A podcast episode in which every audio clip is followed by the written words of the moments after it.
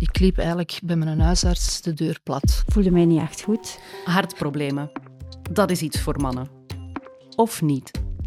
Omdat ik een vrouw was, jong was, gezond was, hebben ze eigenlijk nooit mijn klachten au serieus genomen. Ik had ook zoiets van, wie ben ik om daar tegenin te gaan?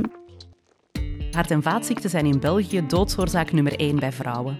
Maar waarom duurt het dan toch zoveel langer voor vrouwen om de juiste diagnose te krijgen?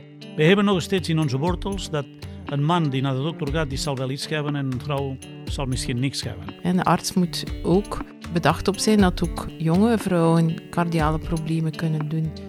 Je luistert naar Rebellen Openhartig. Ik ben Kelia en ga samen met jou op onderzoek uit naar het vrouwenhart.